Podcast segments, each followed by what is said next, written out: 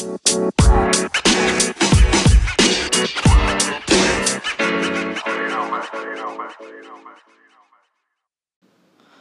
semuanya, welcome back to my podcast, Under Sofian Podcast. Terima kasih yang udah follow, share, dan dengerin selama ini. Um, kali ini gue bakal bahas soal kekeosan Juventus Napoli kemarin, kemudian soal Mercato yang kemarin juga tutup tanggal 5 Oktober, terus bakal gue akhirin dengan bahas Juventus di game-game berikutnya. Nah, move on langsung aja kita bahas soal Juventus Napoli yang gagal main tanggal 4 Oktober kemarin. Um, ini aneh sebenarnya karena satu sisi kita dapat informasi tuh kalau lo ngikutin sosial media kayak Twitter gitu lo bakal dapat banyak updates gitu kayak isu kanan isu kiri gitu. Tapi kalau lihat sosial media resminya baik Serie A kemudian Napoli sama Juventus kayak as if nggak ada apa-apa gitu. Penonton tet tetap bakal tetap bakal datang ke stadion. Lo nonton di TV tetap pertandingan itu bakal disiarin nggak ada cerita apa pun sama sekali sampai bahkan sampai di jam pertandingannya gitu nah kalau kita runut ceritanya ke belakang tuh tanggal 3 Oktobernya eh, di sosial media beredar kabar kabar kalau Napoli itu nggak jadi berangkat ke Turin katanya karena dilarang sama um, semacam bagian kesehatan lokal di regionnya Napoli. Nah, seharusnya tuh mereka berangkat tanggal 3, nginep semalam di Turin, terus besok-besoknya langsung tanding lawan Juventus.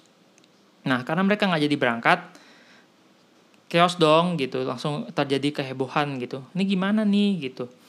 Nah, akhirnya ditanyalah kayaknya dua klub ini nanya um, ke Lega, ke FIGC sama ke Serie A gimana nih kelanjutannya gitu.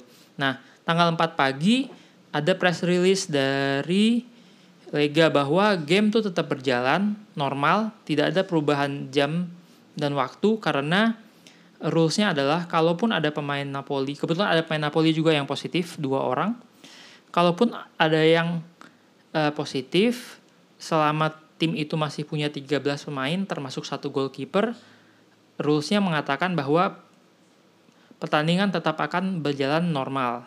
Jadi pemain yang uh, kena positif COVID ini di diisolasi lah gitu. Jadi kayak cuma dianggap oh dua orang ini cedera, sisanya tetap bisa main gitu. Walaupun bedanya sama cedera biasa, ada namanya fiducia isolation.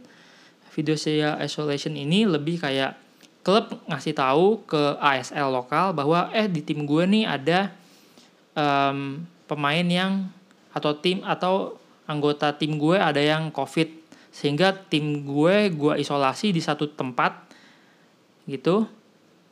Um, di alamat ini pemain ini nggak bakal ke mana-mana nggak bakal balik ke keluarganya. Pokoknya kita ngumpul di sini latihan di sini dan rulesnya adalah mereka tetap bisa traveling ke mana pun. Misalnya mereka tanding lawan Juve tetap traveling ke Turin. Sampai Turin mereka masuk bubble lagi um, latihan training tanding pulang habis pertandingan masuk bubble lagi baru balik lagi ke Napoli juga masuk bubble lagi.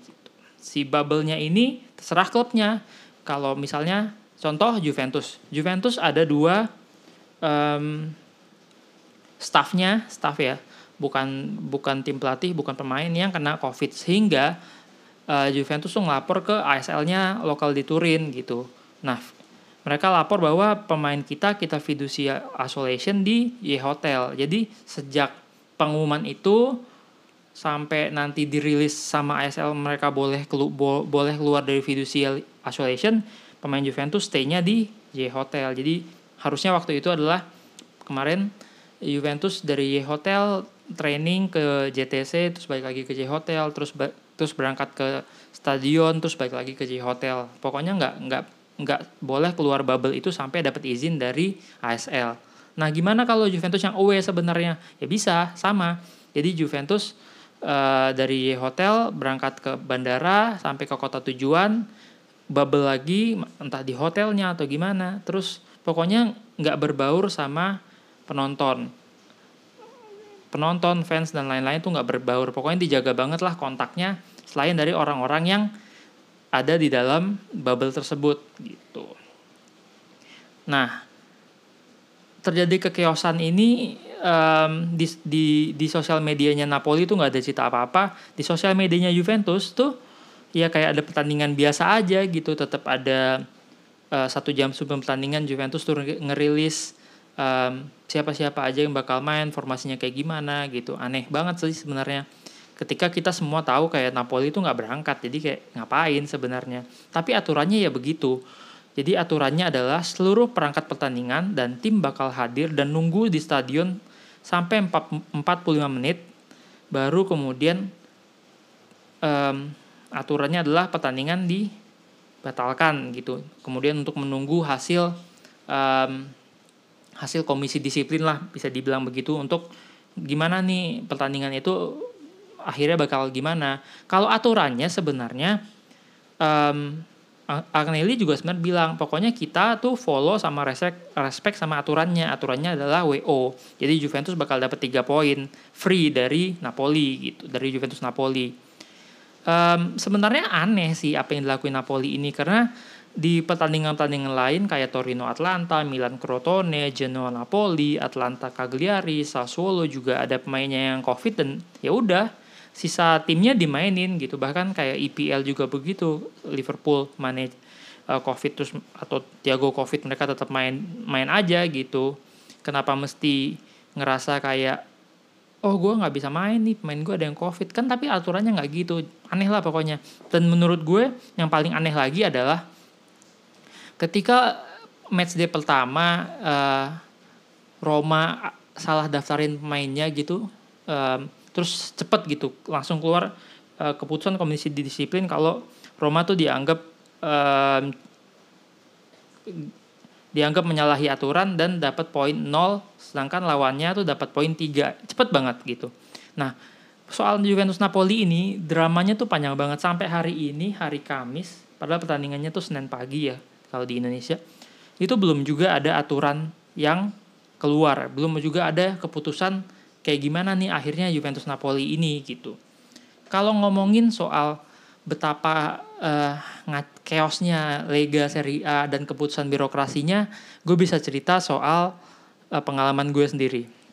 Jadi uh, bulan akhir Februari kemarin gue sempat ke Turin uh, ke Italia buat nonton Juventus uh, Inter. Plus waktu itu gue juga gue juga ke Lyon nonton Lyon lawan Juve. Nah, ngomongin soal Juventus Inter, Juventus Inter waktu itu tuh harusnya bertanding tanggal 1 Maret 2020. Gue kebetulan punya tiket dan dapat juga um, undian dari sos dari sosios bahwa gue bisa meet and greet sama pemain, terus uh, termasuk juga stadium tour dan beberapa inilah yang yang paling gue inget tuh soal meet and greet sebelum Juventus Inter. Nah, jadi waktu itu kan keputusannya apakah misalnya apakah antara Juventus Inter bakal ditunda atau pertandingannya tetap dengan penonton atau tanpa penonton. Tiga itu opsi itu lama banget sampai bahkan pertandingannya tuh tanggal 1 Maret, tanggal 27-nya gue masih dapat kabar dari Sosios kalau pertandingan jalan dan bakal tetap ada penonton dan meet and greet gitu. Tanggal 28 baru deh gue dapat konfirmasi kalau mereka tuh batal. Itu kan kayak less than 48 hours dari pertandingannya gitu um, ya segitu chaosnya segitu lamanya untuk ngambil keputusan sampai bahkan kemarin itu kita di kalau lo nonton di TV lo masih lihat uh, pertandingan itu tuh Juventus lawan Napoli itu disiarin dan kita bisa lihat pemain tuh datang ke stadion dan lain-lain dengan tulisan kayak menunggu away team gitu kan. Aneh banget sebenarnya. Secara image apa ya secara image seri seri A gitu liga sepak bola Italia top 3 liga sepak bola dunia itu kan kejadian yang aneh gitu. Nah, kalau isunya kayak gimana sih gosipnya? Gosip yang terakhir gue denger Juventus Napoli ini nggak bakal Juventus tuh nggak bakal dapet poin 3 aturan WO berlaku gitu enggak. Tapi lebih ke kabarnya solusinya adalah Napoli bakal dapat punishment gitu minus satu poin. Terus pertandingan bakal dipospon ke tanggal 13 Januari tanggal tanding, tanggal 13 Januari ini unik karena pertandingannya tuh bakal antara pertandingan home Juventus Sassuolo dan berikutnya setelah Juventus Napoli. Kalau kejadi tanggal 13 Juve bakal away ke San Siro ngelawan Inter Milan. Kalau gue bilang ini itu chaos tapi in a way gue lebih mending sih memang ya udah sekalian aja tanding nanti Januari. Walaupun jadwalnya agak ngaco gitu Juventus lawan Sassuolo, habis itu Juventus lawan Napoli, habis itu lawan Inter gitu. Tapi ya menang dapat tiga poin di lapangan tuh lebih lebih lebih appealing gitu. Terus kebayang gak sih kalau misalnya kayak musim lalu at the end of season uh, jaraknya Juve sama runner up tuh cuma satu poin terus dia kalau kejadian lagi tahun ini terus dianggap sebenarnya kan harusnya runner up yang juara karena Juventus tiga dapat gratisan tiga poin gitu. Harusnya uh, runner up tuh unggul dua poin. Kan males gitu kan bakal jadi omongan sepanjang masa jadi gue pro-nya adalah uh, ya udah tanding ulang aja, diatur aja jadwalnya lagi Juventus Napoli. Um, pokoknya di lapangan lebih bagus lah daripada dapat tiga poin gratisan dan gue yakin Juventus bakal menang sih. Gitu. Uh, cukup lah gue rasa soal Juventus Napoli. Kita tunggu aja kabarnya bakal kayak gimana. Oh iya satu lagi. Kalaupun nanti keputusan udah keluar apa pun itu dua tim tuh tetap bakal punya kesempatan buat banding. Jadi ya ya dramanya bakal masih panjang kecuali it's a win-win solution gitu sih. Nah, move on gue bakal ngomongin soal Mercato. Um, Mercato ini menjelang hari-hari akhir memberikan sesuatu yang membahagiakan menurut gue. Nah, jadi gue bakal ngelis pemain kita yang keluar siapa aja, Miralem Pjanic, Simone Muratore, Matuidi Hugain itu yang keluar benar-benar keluar. Terus yang kita loan out adalah Mattia Perin, Romero, Marco Piazza, Luca Pellegrini, Daniele Rugani, MDS, Douglas Costa, sama Mandragora. Mandragora ini juga terakhir-terakhir Juventus tuh beli beli dari Udinese karena sesuai um, perjanjiannya 10 juta lebih lah 10,4 juta kalau nggak salah walaupun akhirnya di loan out lagi ke um, Udinese. Nah, average umur dari pemain yang kita jual itu ataupun di loan out itu adalah 25 tahun. Nah, dari segitu banyak pemain yang keluar, kita terus masukin uh, beli itu beli dan loan tuh 5 pemain. Uh, yang kita beli itu Kulusevski dan Arthur. Kemudian yang kita loan in itu Kiesa, McKennie, sama Morata plus Mandragora tadi ya yang sebenarnya in tuh langsung out gitu. Nah, average yang in ini adalah 22 tahun. Jadi lo mengganti pemain yang average 25 tahun masukin 25 tahun 22 tahun. Jadi kalau cerita awalnya dulu Agnelli bilang kita bakal peremajaan rejuvenation dimulai dari pelatihnya, dari Sari ke Pirlo, pemainnya juga begitu, drop turun average 3 tahun. Nah, apresiasilah gue buat uh, manajemen Juventus. Gue kasih nilai buat Mercato ini 7. 7 ke 7 setengah. Uh, yang menyenangkan buat gue adalah uh, Juventus berhasil ngeluarin Douglas Costa, MDS, uh, Matuidi dan Higuain yang um, bener-bener kayaknya nggak nggak bakal dapat tempat gitu di Juventus musim ini. Jadi buat apa bayar gaji pemain-pemain ini gitu dan dan Juventus tuh berhasil nemuin uh, klub berhasil deal sama klub yang mau loan dan bayar gajinya mereka walaupun tidak ada uh, buat Rugani, MDS dan Costa it is a dry loan ya. Jadi kayak setahun mereka bakal balik ke Juventus kecuali akhirnya mereka laku tapi tidak ada kewajiban untuk membeli pemain tersebut di akhir masa uh, peminjamannya nggak kayak uh, Arthur uh, nggak kayak uh, Kiesa sama Morata sama McKennie yang ada um, obligation to buy-nya gitu.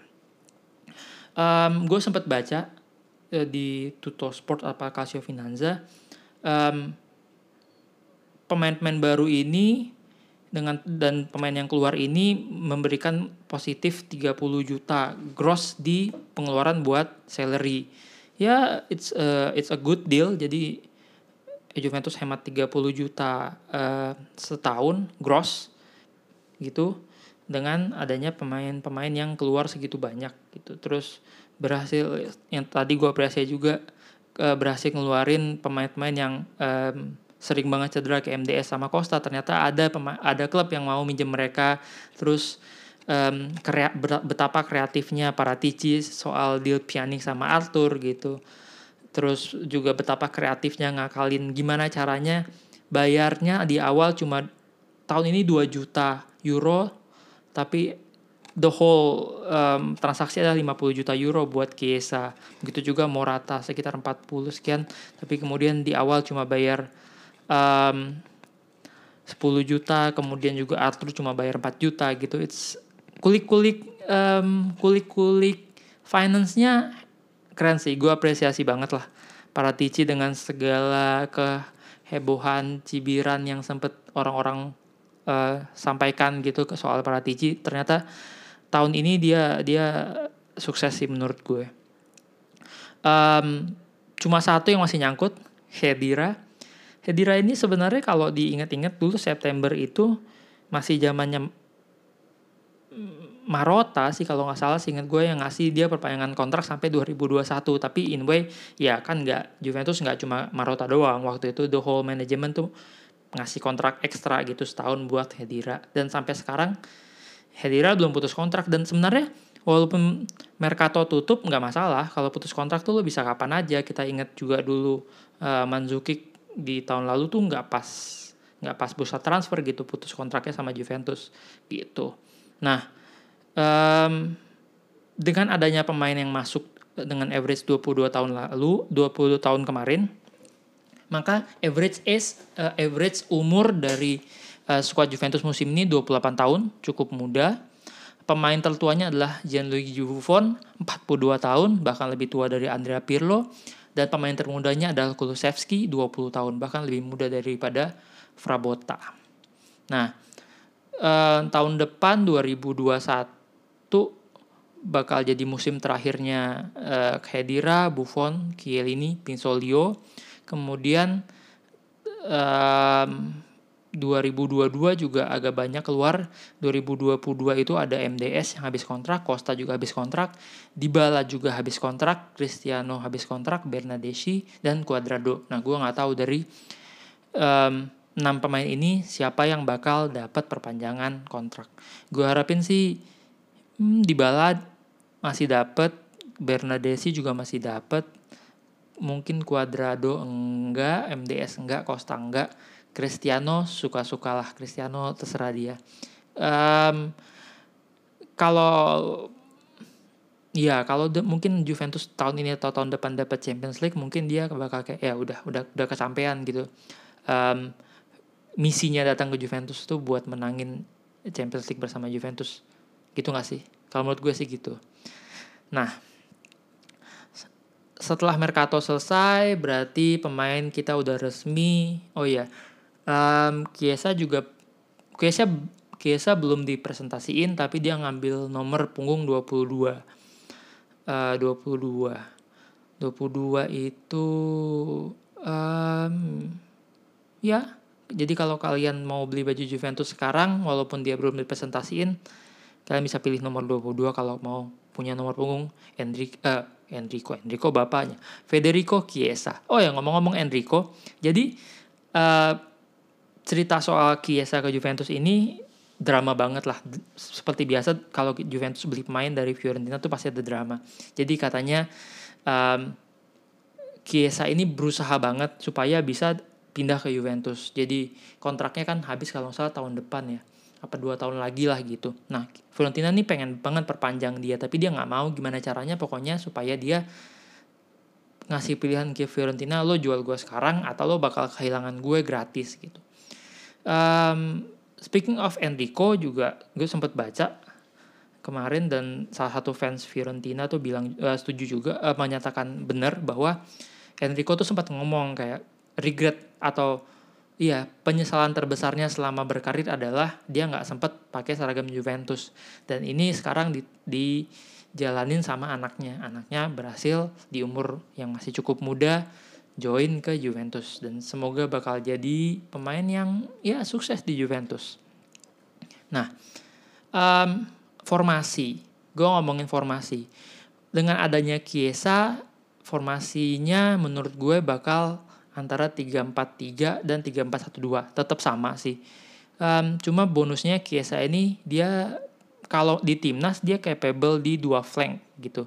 Dia bisa di kanan dan di kiri. Di Fiorentina juga dia bak dia main di wingback jadi cukup versatile dan dan bisa jadi uh, deputinya Cristiano menurut gue. Jadi kalau 3-4-3 formasinya bakal uh, Sesni, kemudian di belakang um, Danilo, Bonucci, Chiellini dan kalau nanti Delik sembuh mungkin Delik di posisinya Chiellini. Terus di kanan adalah uh, di tengah double pivotnya um, McKennie sama Arthur, terus di kiri Alessandro dan atau uh, Bernadesi mungkin. Terus di depan trio di depan adalah um, Chiesa, Morata dan Ronaldo. Um, gitu.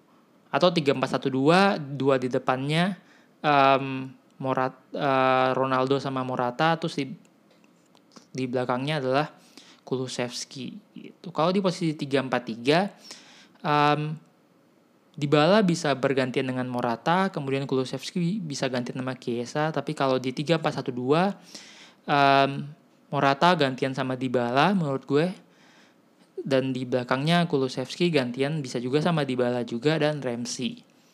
Um, kenapa gue bilang yang jadi striker utamanya tuh Ronaldo sama Morata atau Ronaldo Morata Chiesa?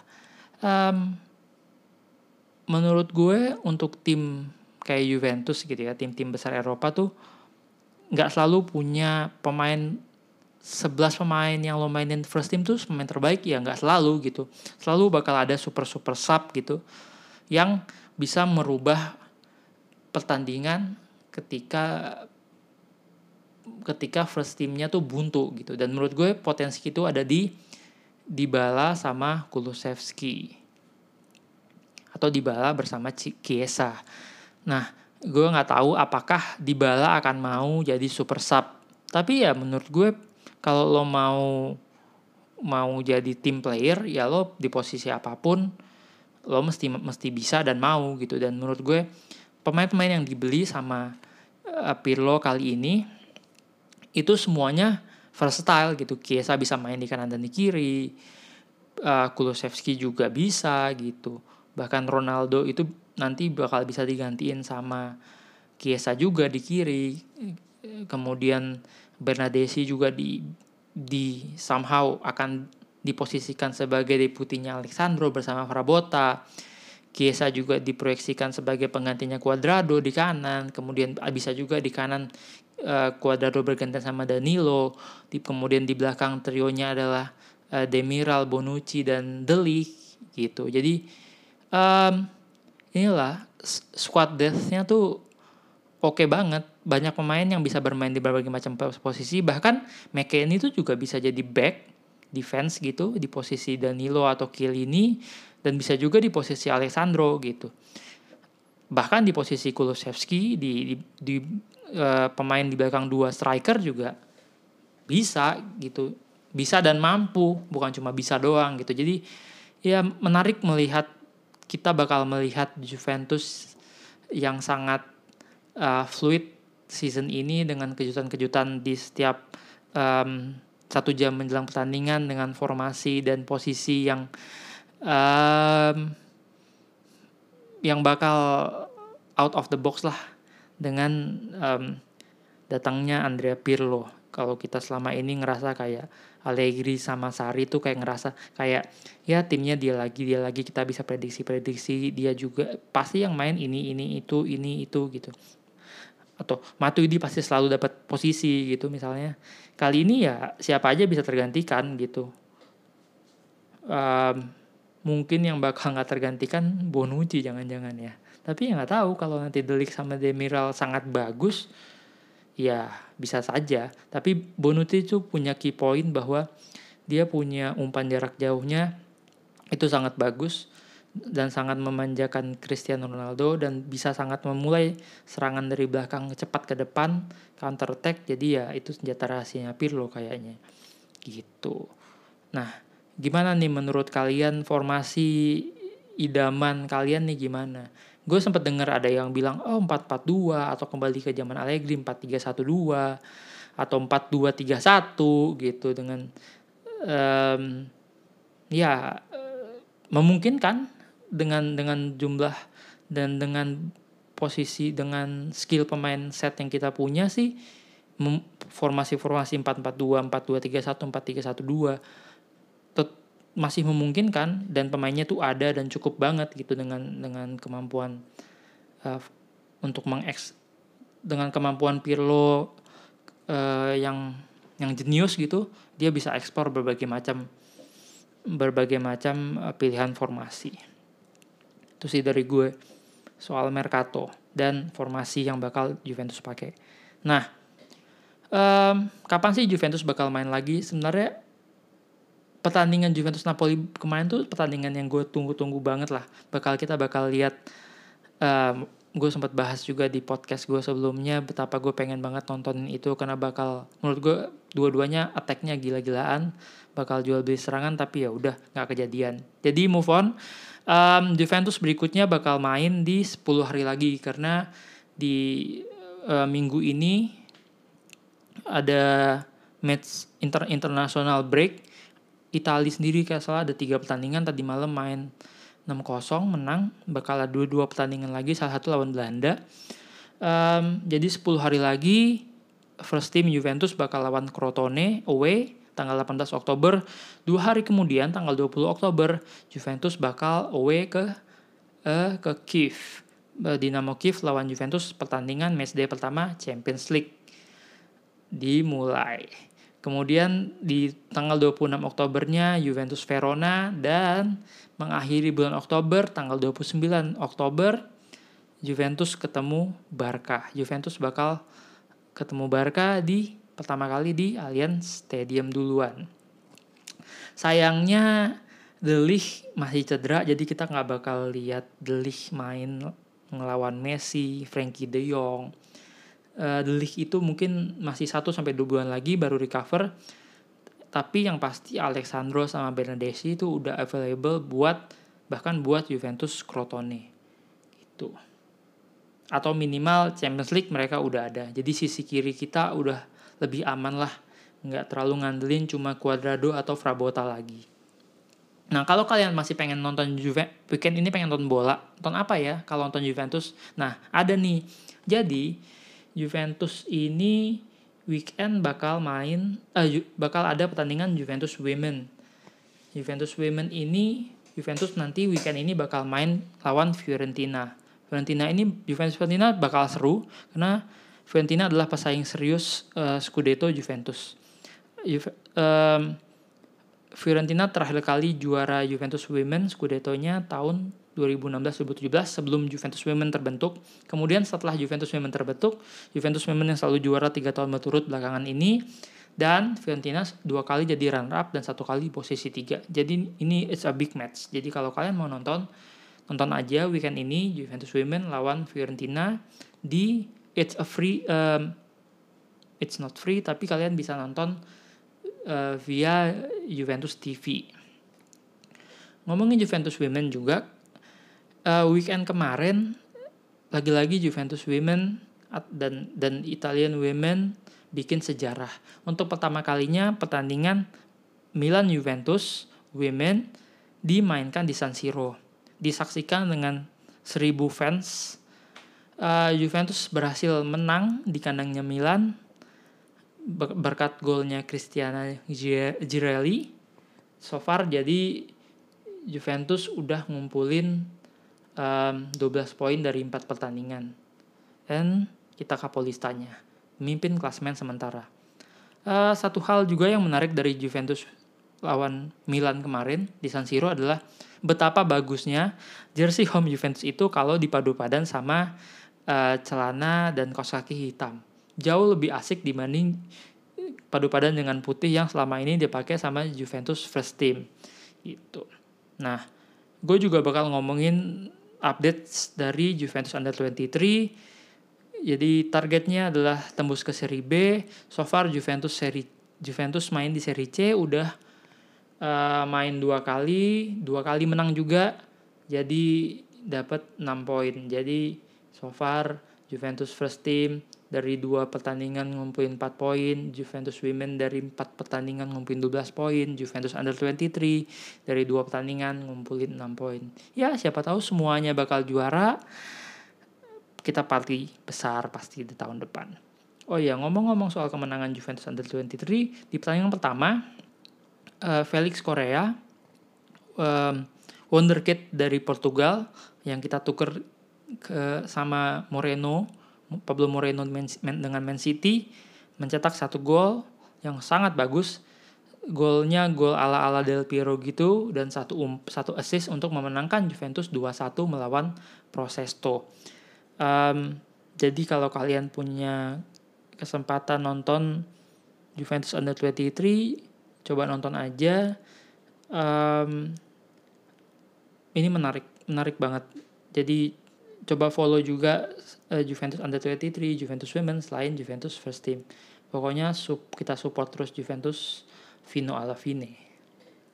Nah, uh, sekian dari gue. Tiga isu besar itu udah gue omongin semuanya. Terima kasih yang sudah betah mendengarkan episode ini. Jangan lupa di follow, di share, kasih tahu ke teman-teman kalian ada podcast Juventus Under Sofian Podcast. Uh, sampai ketemu di episode berikutnya dan seperti biasa kalau kalian punya topik yang pengen dibahas mention aja gue ke Twitter dan Instagram @undersofian. Forza Juve, ciao.